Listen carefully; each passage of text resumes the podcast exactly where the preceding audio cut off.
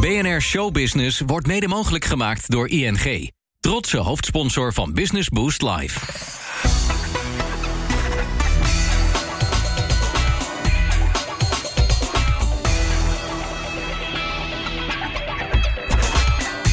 Toen we ons eigen kantoor hier in het stadion kregen, wat echt een droom was, heel veel met deze plek, toen dacht ik, we moeten Johan hier ophangen en die wijst je de weg. Dus die wijst die kant Nou, op, hier is het kantoor. Ja. En dan gaan we hier, kijk uit, het trappetje af. En eh, hallo allemaal. Hallo. en dit is onze eh, redactieruimte waar we eigenlijk alles doen. Jasper, onze hoofdredacteur van het magazine. eh, nou ja, financiële mensen, onze strateeg. nog een stratege, producers. Dus ja, hier zitten we met z'n allen eigenlijk alles door elkaar. Zowel print, video. We hebben hier nog onze editruimte. Dus hier eh, wordt- is nu net weer een programma voor Toto KNVB afgeëdit. Sport speelt een centrale rol in het leven van Barbara Barend. En media trouwens ook. De dochter van Frits en het achternichtje van Sonja voetbalt in haar jeugd bij het Nederlands elftal voor speelsters onder de 15. Door een knieblessure moet ze vroegtijdig afscheid nemen van een sportcarrière. Het alternatief als sportjournalist gaat daar gelukkig ook goed af. Ze schrijft al snel columns voor het Parool en de Groene Amsterdammer. En begint haar televisiecarrière bij de Amsterdamse zender AT5. Later is ze nog te zien in het tv-programma Zepsport en als verslaggever van Fox Eredivisie Live. Het gaat haar voor de wind, zou je kunnen zeggen. Toch zegt ze dag tegen de televisie om zich volledig te richten op het blad Helden.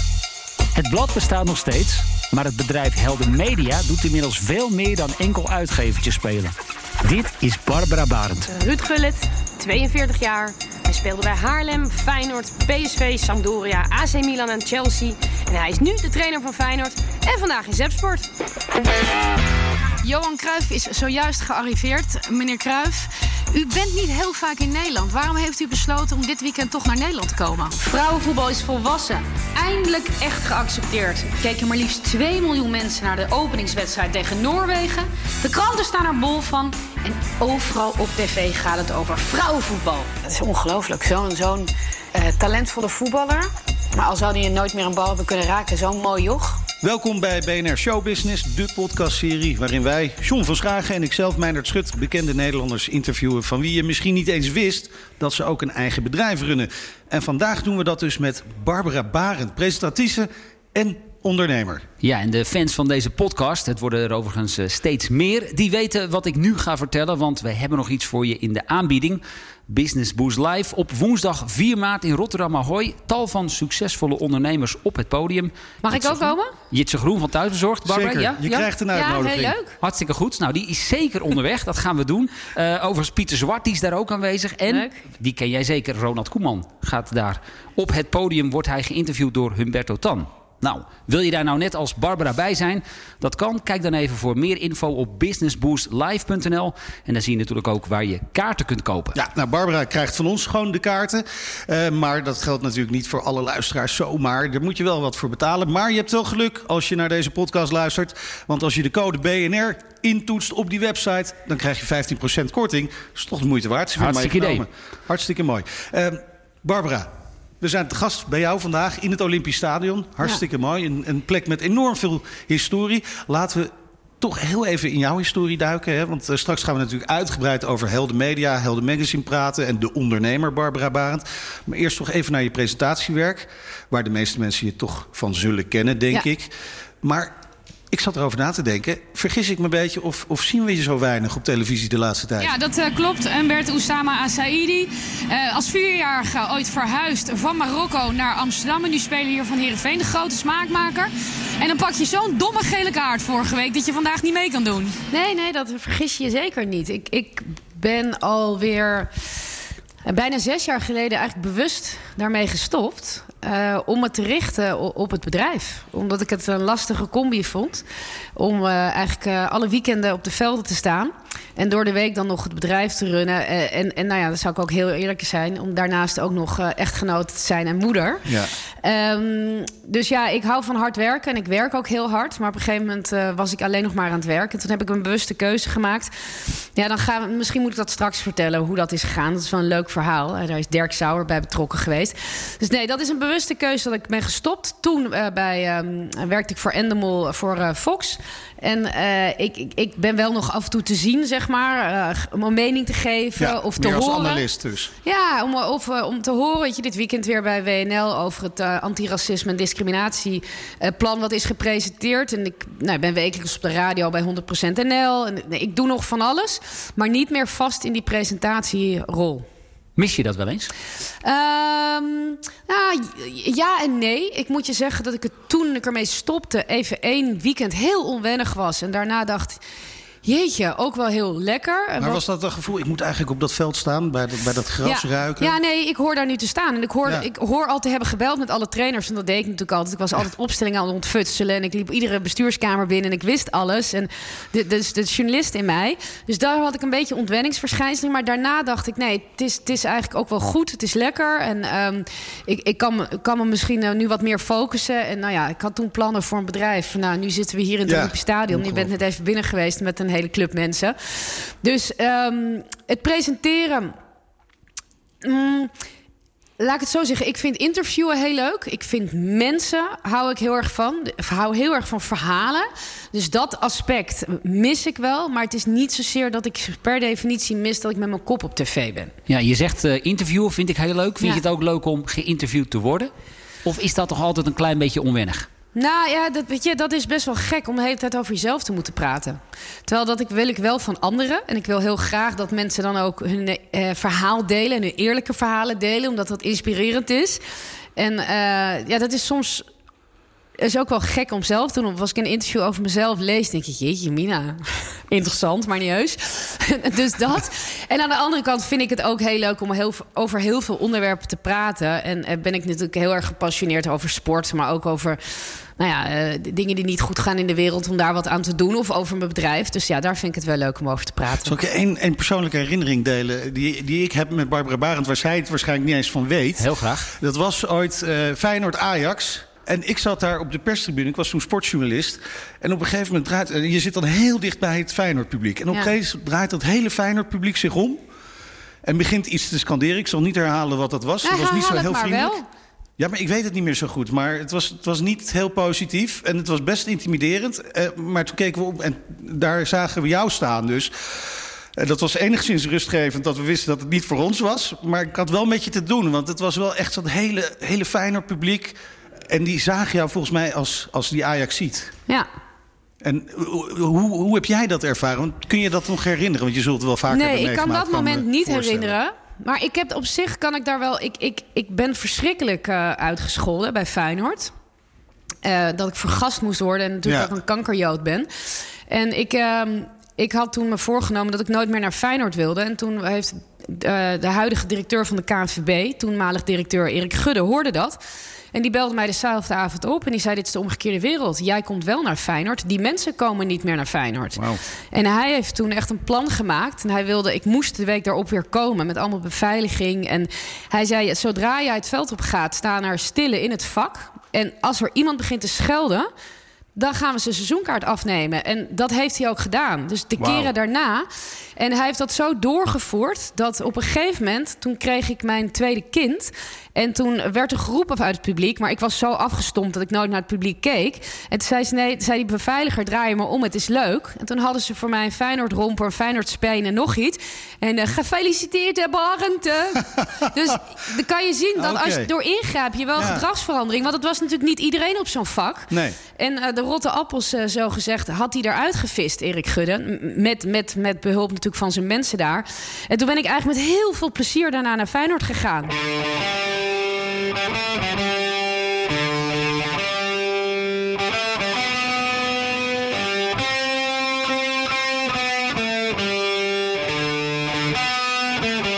Wauw. Maar Ja. dat is wel een heel mooi verhaal. Zeker in, Ja. het, in het licht van Wat de discussie op dit Ja. moment over racisme in het voetbal hè, en daaromheen.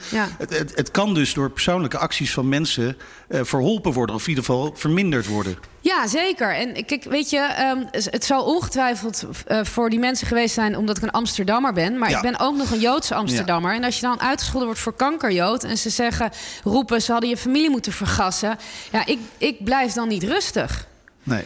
Ik heb ook één keer, toen dat gebeurde... toen ben ik door drie van die capuchons omsingeld... en zo uitgescholden dat ik huilend het Feyenoordstadion inliep. Nou, daar waren ze echt niet blij mee. Toen kwamen spelers, trainers, ze vonden ze verschrikkelijk. Gewoon een volwassen vrouw die huilend een stadion. Maar ik vond het zo intimiderend... En um, nou, daar was ik eigenlijk daarna Feyenoord heel dankbaar. En nu nog. En het is heel geestig. Bij de geboorte van mijn kinderen... Het eerste cadeau wat er altijd lag... was een Feyenoord-shirt. En er staat zo Rotterdam in de nek. En met de namen achterop. Maar ik heb die ook allemaal ingelijst. Oh, geweldig. En, ja, dat was echt... Dat is, dat is wel echt humor. En uh, lid gemaakt dan al van de jeugdvereniging. En wanneer we Oh, dan uh, goed. langskwamen. Ja, dus dat is uh, hartstikke leuk. Maar ik moet je zeggen, dat, dat, dat doet je dan... Ja. Dat doet je goed. Dat je ziet dat ze er wat aan doen. En dat uiteindelijk de supporters daardoor ook wel veranderen. Ja, pluim voor Erik Gudde dus. Nou, Ja, vind ik ook. Zeker Absoluut. een pluim voor Erik Gudde. Maar daar ben ik hem altijd dankbaar voor. En dat zeg ik hem nog wel eens. En dan zegt hij... Aan hem op. En dan wordt hij een beetje ongemakkelijk. Maar dat is echt zo. We gaan het over helden hebben, Ja. Barbara. Ehm, over, we maken nu een podcast. Zou dat niet iets voor helden zijn? Ook een eh, heldenpodcast? Ja, helemaal waar. En dat, dat hadden we eigenlijk al veel eerder moeten doen. We kunnen helpen hoor. Ja.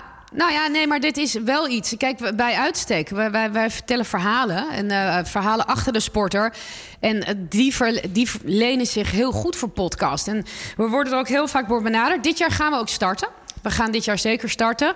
En we moeten alleen keuzes maken. Want dat is ook wel een barend eigenschap. Dat we zoveel ideeën hebben Ja. en zoveel willen. Nou, dat kan niet. Maar ehm, eh, we ontkomen er natuurlijk niet aan. We zijn ook aan het nadenken. We hebben natuurlijk eigenlijk we hebben een, een, een B2B-tak en we hebben een B2C-tak. En van onze B2C-tak, we zitten hier op een eh, podcast waar we dit soort termen al gebruiken, toch? Zeker. Zeker. Ehm, maken we een blad voor, voor eh, eh, weet je, onze lezers. Maar we vinden dat we daar ook meer aanwezig moeten zijn op andere kanalen, podcast, YouTube. Dus daar gaan we zeker starten, ook om de, ook om de jongere generatie. Ja, hey, voor de mensen die eh, Helden Magazine niet of nauwelijks kennen... Ja. een handjevol wellicht nog in Nederland. ze er nog zijn? Misschien. Mijn moeder misschien. Ik kan me ja, voorstellen dat dat je die... moeder het wel kent. Nou, ik vraag het me af. Is niet een vervent sportliefhebber. Maar leg haar dan even Ja. uit. Wat, wat zijn jullie precies? Ehm, wij zijn een, eh, een, een sportblad, maar wij zijn niet voor de. Je hoeft niet diehard sportliefhebber te zijn. Als je van verhalen houdt, van mooie verhalen. Als je houdt van, houdt van mensen die ergens voor gaan, maar die ook gewoon eh, hoge pieken, diepe dalen hebben. Die gewone mensen blijken te zijn. Dan is het heel mooi en inspirerend om helden te lezen. Daarbij eh, is ons, denk ik ook wat ons onderscheidt, is dat wij niet veel sportfotografie hebben, maar juist gewone fotografie. Heel veel aandacht besteden aan onze vormgeving en aan onze fotografie. fotografie.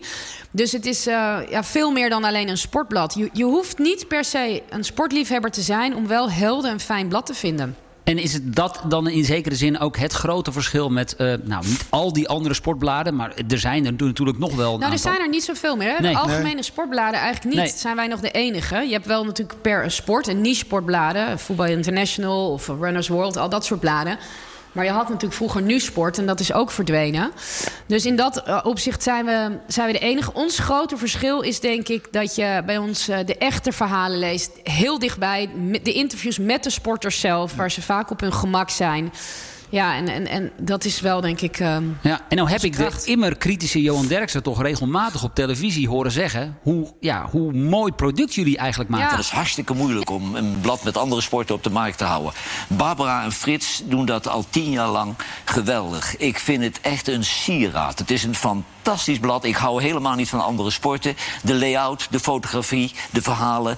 Alles is perfect. Je zult er nooit eh, een hoge winst mee draaien. Dat is in dit kleine landje onmogelijk. Maar dat ze het al tien jaar eh, op de markt houden, is een wereldprestatie. Ja, nee, zeker. En kijk, hij is natuurlijk een bladenmaker. Dus hij weet hoe moeilijk het is mm, om bladen te maken.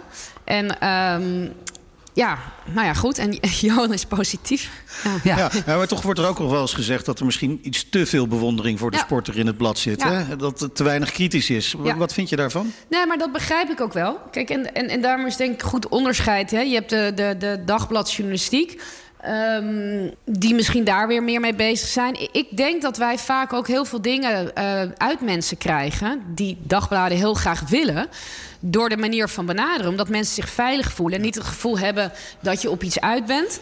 En wij hebben wel, wij hebben, wij hebben de grootste uh, turnterrorisme, zoals we het noemen. Het misbruik van de gouden turngeneratie hebben wij onthuld. We hebben heel veel verhalen recent weer over misstanden in de turnsport gehad. Dus die verhalen schuwen we helemaal niet. We, we letten daar zeker uh, letten we daarop. Of überhaupt misbruik in de sport. Dus die verhalen komen ook in helden voor.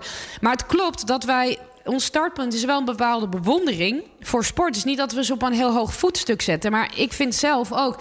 Ik heb heel veel bewondering voor mensen die ergens uh, helemaal voor gaan. Alles geven met de kans dat je faalt, die veel groter is dan dat je slaagt. En of dat nou sporters zijn of acteurs of politici, ik vind dat gewoon ja. interessant gegeven. En ja, sport is mijn grote passie. Dus dat klopt dat ik het ook heel leuk vind.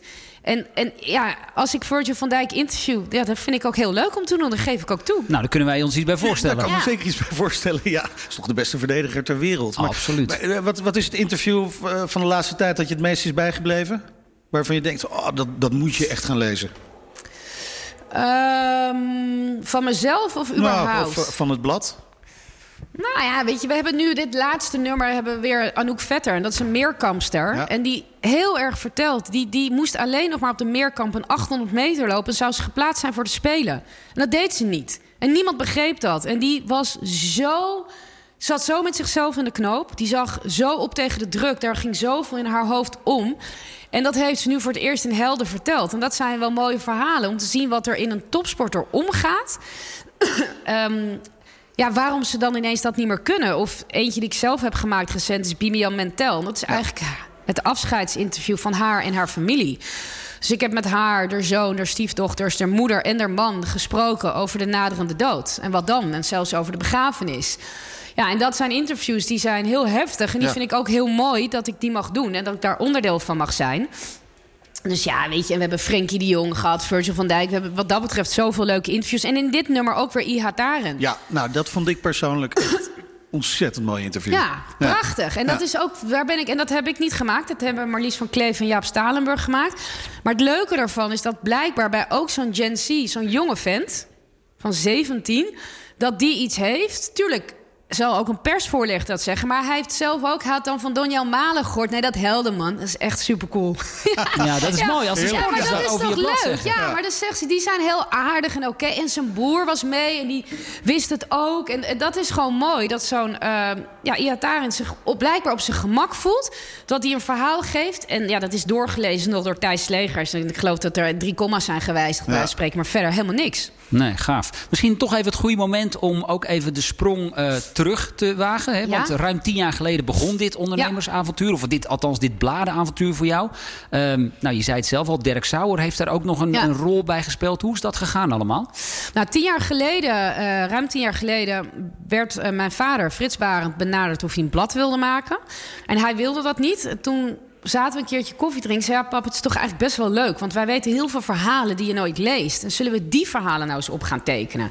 Omdat we veel bij mensen thuis zijn, veel dingen horen. En laten we dat dan op een hele andere boeg gooien... met hele mooie fotografie, hele mooie vormgeving. Kom op, we gaan ervoor. Nou, dat riepen we toen, een persbericht. En dan, voor je het weet, dan word je overal uitgenodigd. En zaten die avond bij de Wereldrijd Door... En vijf maanden later lag toen het eerste nummer in de winkel met Robin van Persie en Bushra van Persie. Wat ook echt de kijk op Robin heeft veranderd. Want daarin las je hoe ontzettend professioneel zij samen met zijn carrière bezig waren. Maar ook Michael Bogert en uh, Nerena, zijn ex-vrouw, heel openhartig over het lijden eigenlijk van Michael.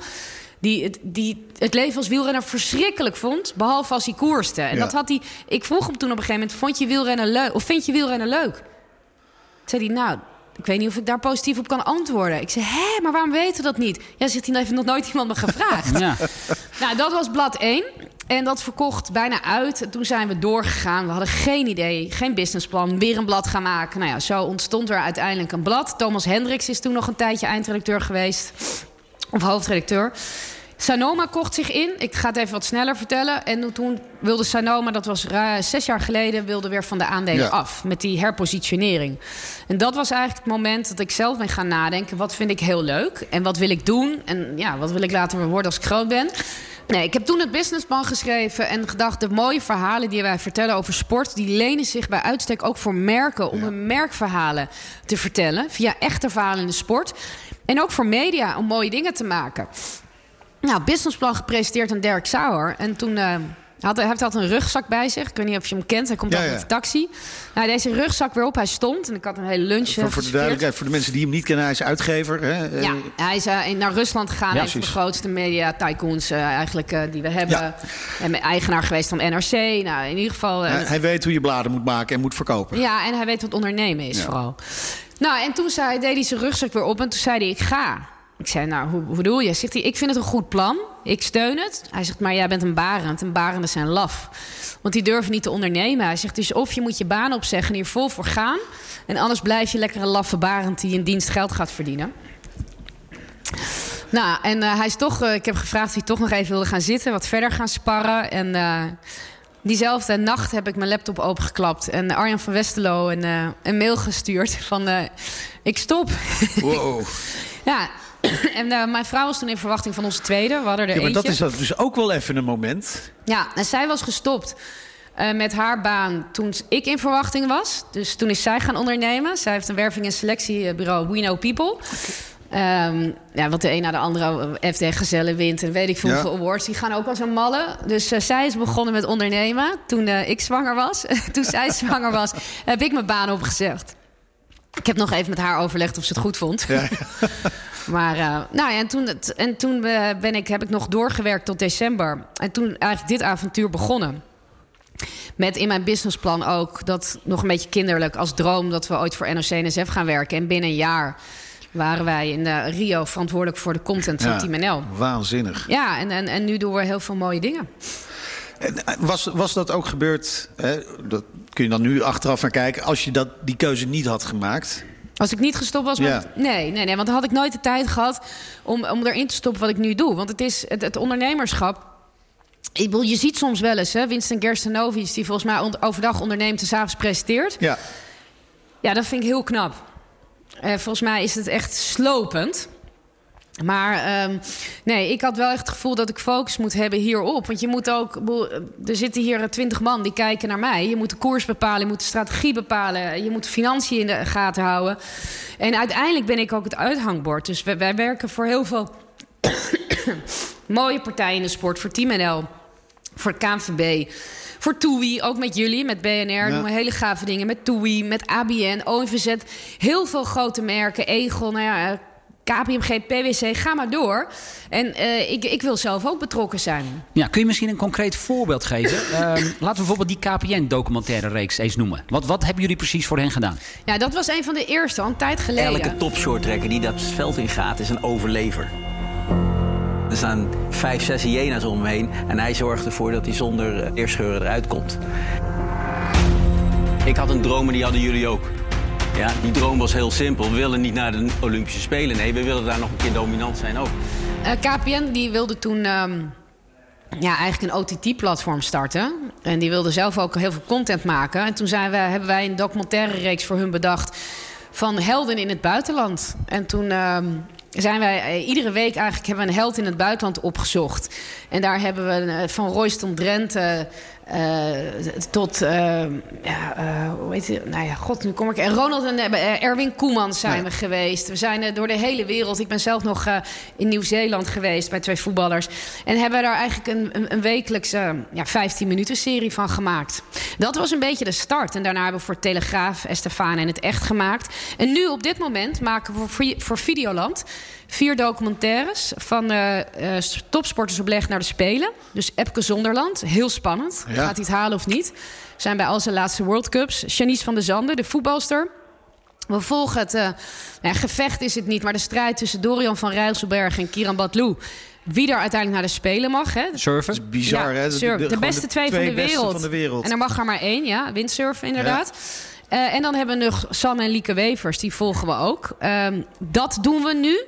Maar bijvoorbeeld ook uh, in samenwerking met jullie uh, doen we voor TUI dingen. We hebben voor hun samen met hun eigenlijk het thema opladen bedacht. Um, om zo hun sportieve vakanties te promoten. En we hebben nu een hele reeks video's met Erwin Wennemars opgenomen. Die gaan volgende week volgens mij live. We hebben met jullie in uh, Wilfred Gené, de Friday Move... hebben we ook um, nou, reclamespots steeds gemaakt. Dus dat is wat we doen. Wist jij dat eigenlijk? Uh, dat heel de media daar verantwoordelijk nee, voor was? eerlijk gezegd niet. niet. Nee, nee, nee. nee. Ja, nou ja, dat, dat doen we een grote campagne voor TUI. Uh, we, we, zijn nu met mooie dingen voor de KNVB zijn we bezig. Um, maar als ik jou zo hoor praten, Barbara, met al die verschillende uh, zaken die jullie nu aan het ondernemen zijn, met name naast dat blad, is dat nu, kun je nu ook zeggen dat dat blad misschien meer een soort marketingmiddel is geworden, als een soort uithangbord om ervoor te zorgen dat merken naar jullie komen om voor hen content te gaan maken? Ja, dat dacht ik wel. Zo stond het ook in mijn plan. Maar uh, het is nog steeds winstgevend, het blad. Okay. het blad loopt, ja, het is echt afkloppen. Want oplaagcijfers?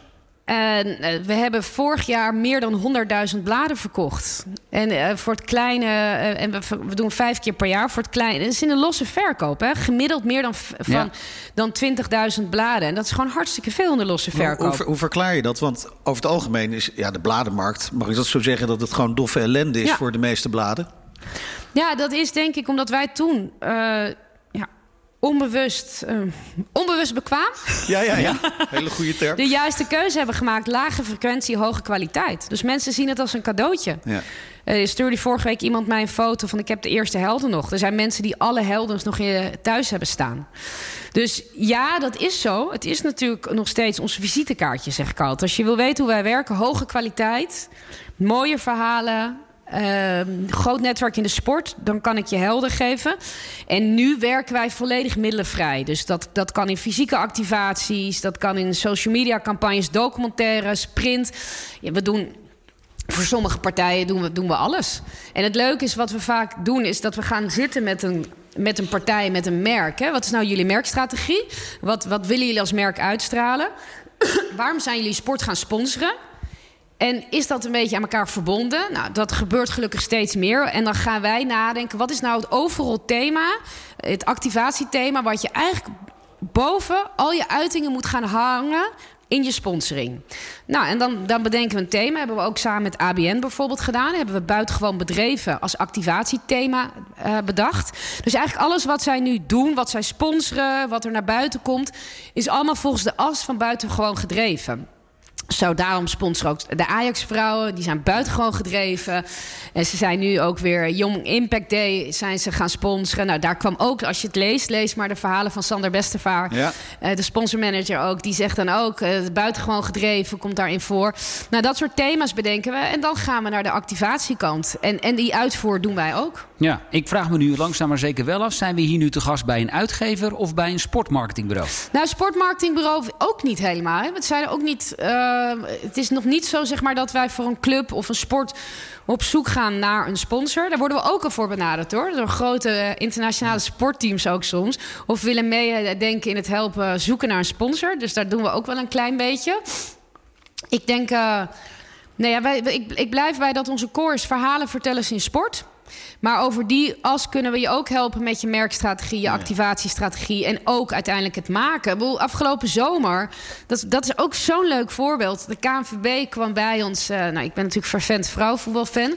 WK vrouwenvoetbal, we willen uh, iets gericht op de jonge uh, Leeuwinnen-fans tussen de 15 en 25 en willen jullie een YouTube-show bedenken.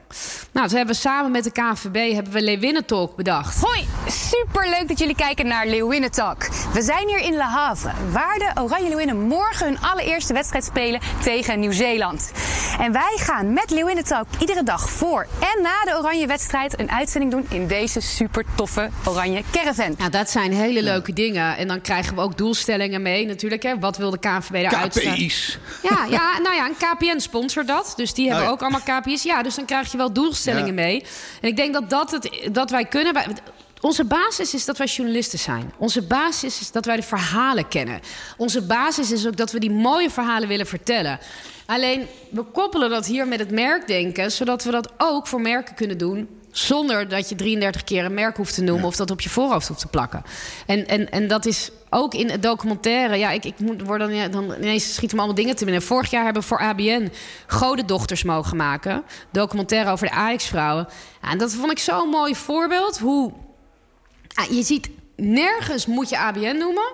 Maar het zo mooi, legt het uit waarom zij de Ajax-vrouwen sponsoren. Drie verhaallijnen van drie vrouwen die heel anders zijn en enorm gedreven. En daar hebben we zo'n gave documentaire van kunnen maken. En dat zijn natuurlijk wel echt, echt dingen die wij heel graag doen. En die we te gek vinden om te maken. Het leuke is, het begint natuurlijk met, met verhalen vertellen in het magazine. Daar is het ooit mee begonnen. Ja.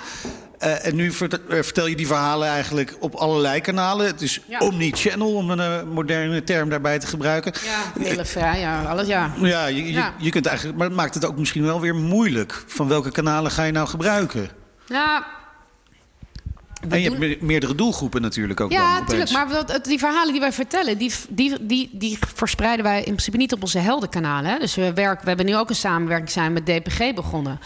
Om ook via hun kanalen, als wij voor merken werken, om de verhalen via DPG te gaan verspreiden. Dus en, en aan de andere kant DPG die weer vraagstukken krijgt. Die zegt, ja, wij zijn goed in distributie. Maar we hebben helden nodig hè, voor de creatie en, en het verhaal in de sport. En eh, het conceptdenken. Dus het is... ehm, eh, het, het is ook niet allemaal helemaal te vangen. En, om een antwoord te geven op je vraag... we hoeven het niet via de heldenkanalen te verspreiden. Hè, nogmaals, we, we, hebben, we werken nu voor Videoland. We hebben voor TMG gewerkt. We hebben voor Nusport gewerkt. We, we werken voor al die partijen. Hey, even inzoomen op eh, de ondernemer, eh, Ja. Barbara Barend. Want Ja. wij eh, zitten hier op de eerste verdieping. Wij kwamen net hier beneden. Nou, een, een drukte eh, Ja. van, van je welste. Allemaal mensen met elkaar in overleg. druk bezig aan het werk op hun zag lap- Henny laptop. Huisman. Henny Huisman. Iets met een nieuw programma heb ik... eh, Ja, hij komt mijn vader feliciteren Ah, oké. Nou, binnenkort te zien op de televisie. Ja. Eh, wat is jouw specifieke rol? Ehm, ik, ja, ik ben wel echt duidelijk de, de CEO, eh, hoe, hoe je dat ook wil noemen. De, de, de, de, De aanvoerder van het team. Ja, ik ben zeker de aanvoerder van het team. En in mijn grootste rol is het enthousiasmeren. Eh, de mensen meekrijgen. Ik, ik, ik, ik heb altijd borden vol ideeën. En daar worden ze af en toe ook wel gek van, maar toch de boel oppoken. En ja, mijn rol is ook, en, eh, dat is, ik moet ook de financiën in de gaten houden. Ik moet ook de, ik moet de populaire en ook de impopulaire maatregelen eh, nemen. Ik moet Kun je een voorbeeld noemen van een impopulaire maatregel die je onlangs hebt moeten nemen? nou ja, soms moet je mensen zeggen dat het ophoudt. Dat je contract niet wordt verlengd. Ja. Omdat het, niet, ja, omdat het eh, even hard gezegd niet rendabel is. Nee. Omdat, Vind, vind je dat moeilijk? Heb je dat moeten leren? Eh, ja, dat heb ik moeten leren. Dat eh, vond ik heel moeilijk. En dat vind ik nog steeds moeilijk. Maar dat gaat me wel beter af. Omdat ik me ook wel eh, heb gerealiseerd... dat een ander het ook vaak begrijpt als je het goed uitlegt. En soms moet je ook een impopulaire maatregel nemen... omdat het niet klikt of niet werkt. Ja, en dat voelt iemand anders ook altijd. Dus dat is ook een beetje iemand uit zijn lijden verlossen. Maar ja, kijk, de, de...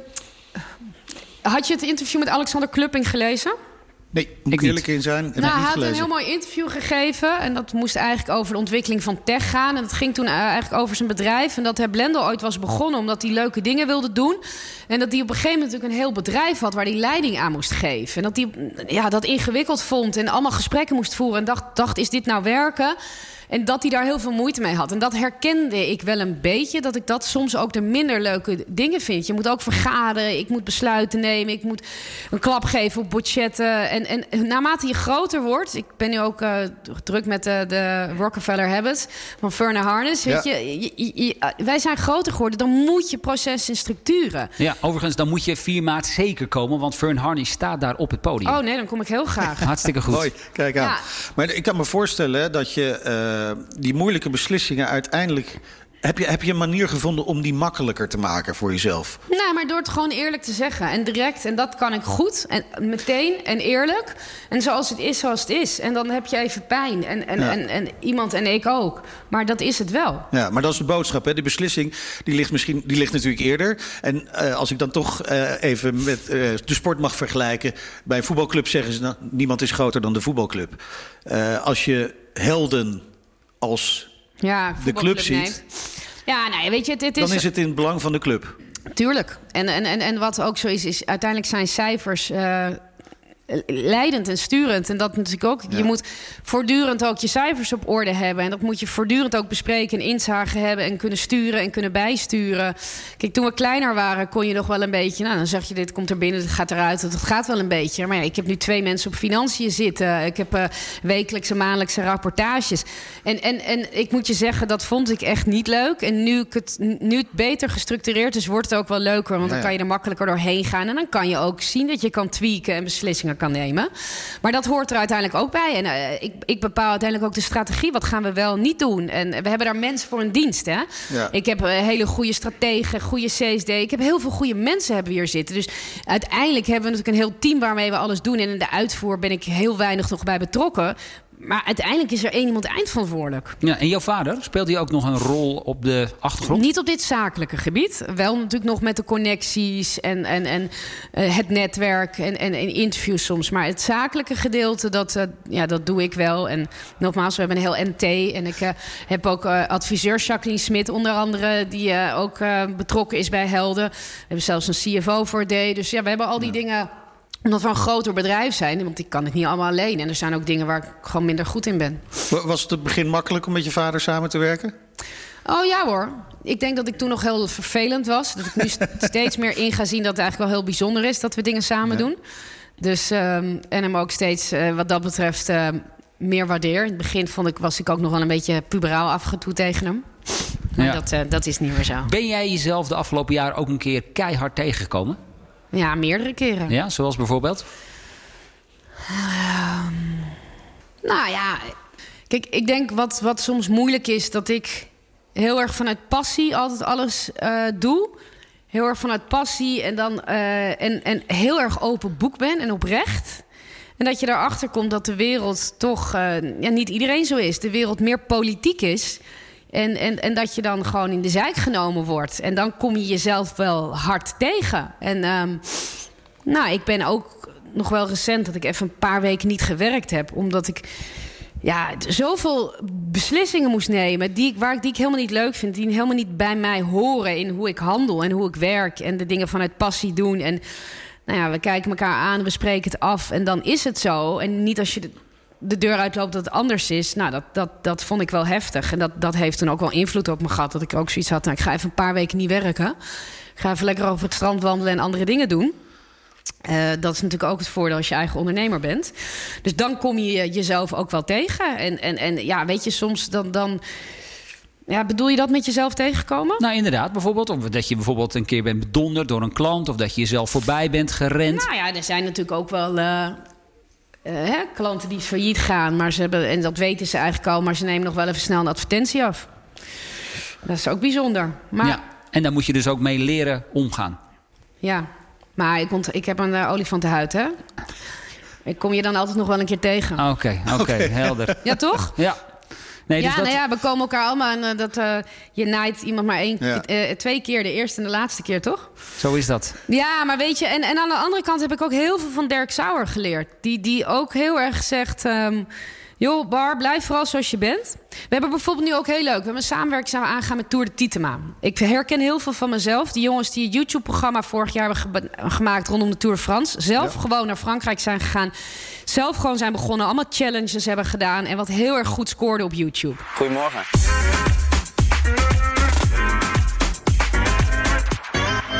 Hey Bas, Tour de Tietema scoort als een, als een tiet. Maar op een paar verdwaalde handtekeningen jagers na blijft de faam nog wat achter. Dus, jouw challenge voor vandaag. Verkleed je als renner en laat minimaal 50 mensen geloven dat jij een profrenner bent. Doe dit door middel van foto's en handtekeningen. hey, lekkere challenge weer hoor. Ik herkende daar heel veel van mezelf in. Ik was vroeger ook echt... Ik was door niets of niemand tegen te gaan, uh, tegen te houden. Ik begon alles, ik ging gewoon... En toen moest ik afspraken met hem maken. En toen had ik Dirk daar ook over. Ik zei, Dirk, ik vind het eigenlijk zo raar om echt afspraken. Ik wil dit gewoon op basis van vertrouwen. We kijken gewoon uh, wat we inbrengen, we splitten. En toen zei Dirk, Bar, helemaal waar. Zo ben je ook, zo zijn die jongens, doe het. En hij zei, weet je, je wordt heus wel eens... Ik ben ook wel eens genaaid. Hij zei, ik weet van welke mensen ik nog geld krijg. Nou ja, oké, okay, zij moeten er iedere avond mee naar bed.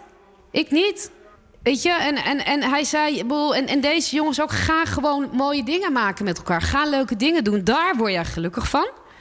Ga dat gewoon doen. En, dus die, die, die, dat, die, en, en dat is ook hartstikke leuk. Het zijn zulke leuke gasten, die Tietema-mannen. ja, maar dat, Ja, dat vind ik heel leuk. Maar en, en, en zo zal je ook heus wel eens bedonderd worden. Maar het gebeurt eigenlijk niet zo heel vaak hoor, dat je bedonderd En daar wordt. moet je dus ook niet te lang bij blijven stilstaan. Nee. Je hebt, je hebt een paar keer Dirk Sauer genoemd. Hè? Hij heeft ook aan, een beetje aan de, aan de wieg gestaan van Helden, zouden we kunnen zeggen. Eh, is, is hij je ondernemersheld? Zouden we dat zo kunnen zeggen? Ja, nou ja, ik denk, hij en zijn vrouw ook hoor. Ellen ook, want ik, ik merk dat ik hun beide eh, raadpleeg. En ehm, Ellen ook wel op hoe moet ik het nou allemaal als vrouw gaan managen. En daar is Ellen ook wel goed in. Ik weet nog dat Ellen me ook een keer zei van... eh, Bar, jullie Nederlanders zijn daar ook zo stom in. Je moet veel meer uit handen geven. Je staat zeker zelf ook nog je aardappels te schillen en je was te doen. Kom op, laat iemand voor je koken. Dus wij hebben toen op een gegeven moment ook eh, drie dagen in de week iemand gehad die voor ons kookte. En ik werd door iedereen uitgelachen.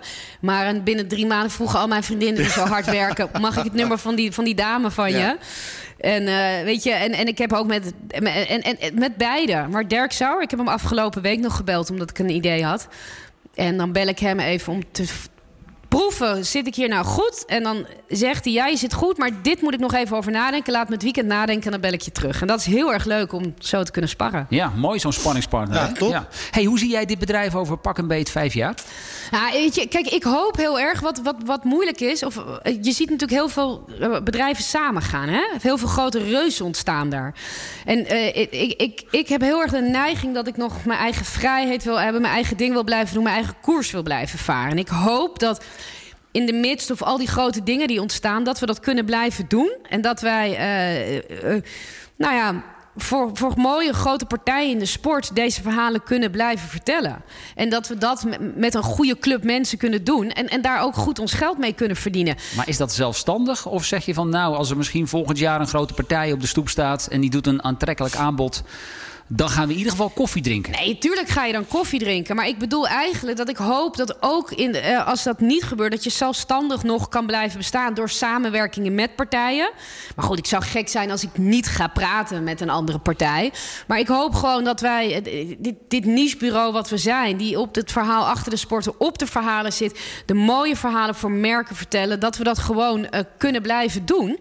En, en dat we dat, ehm, ja, dat nog meer mensen dat weten. Hè? We worden nu ook langzaam door merken benaderd. Dus dat is heel leuk. En dat we dat voor partijen kunnen blijven doen. En dat grote merken ook blijven inzien dat dat belangrijk is.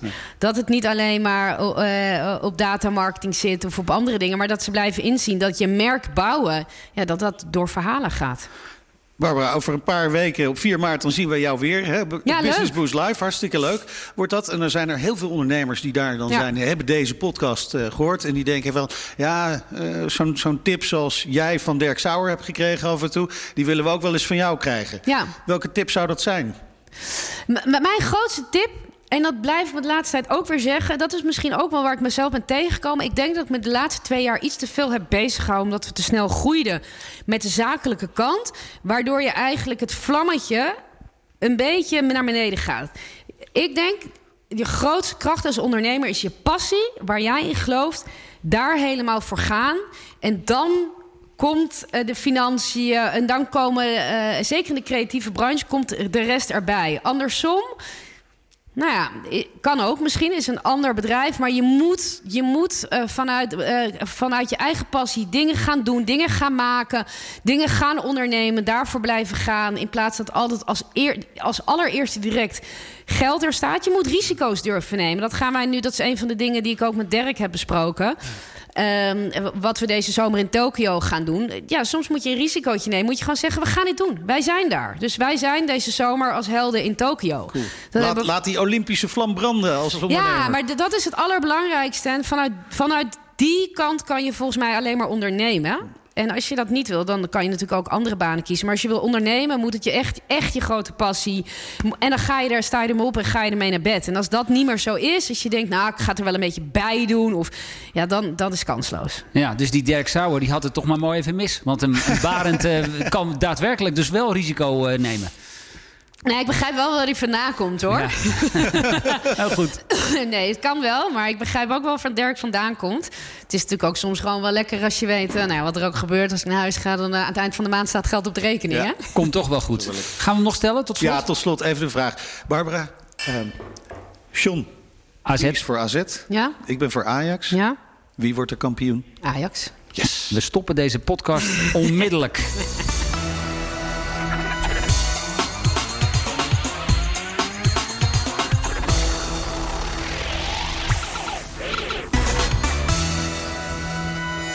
BNR Showbusiness wordt mede mogelijk gemaakt door ING. Trotse hoofdsponsor van Business Boost Live.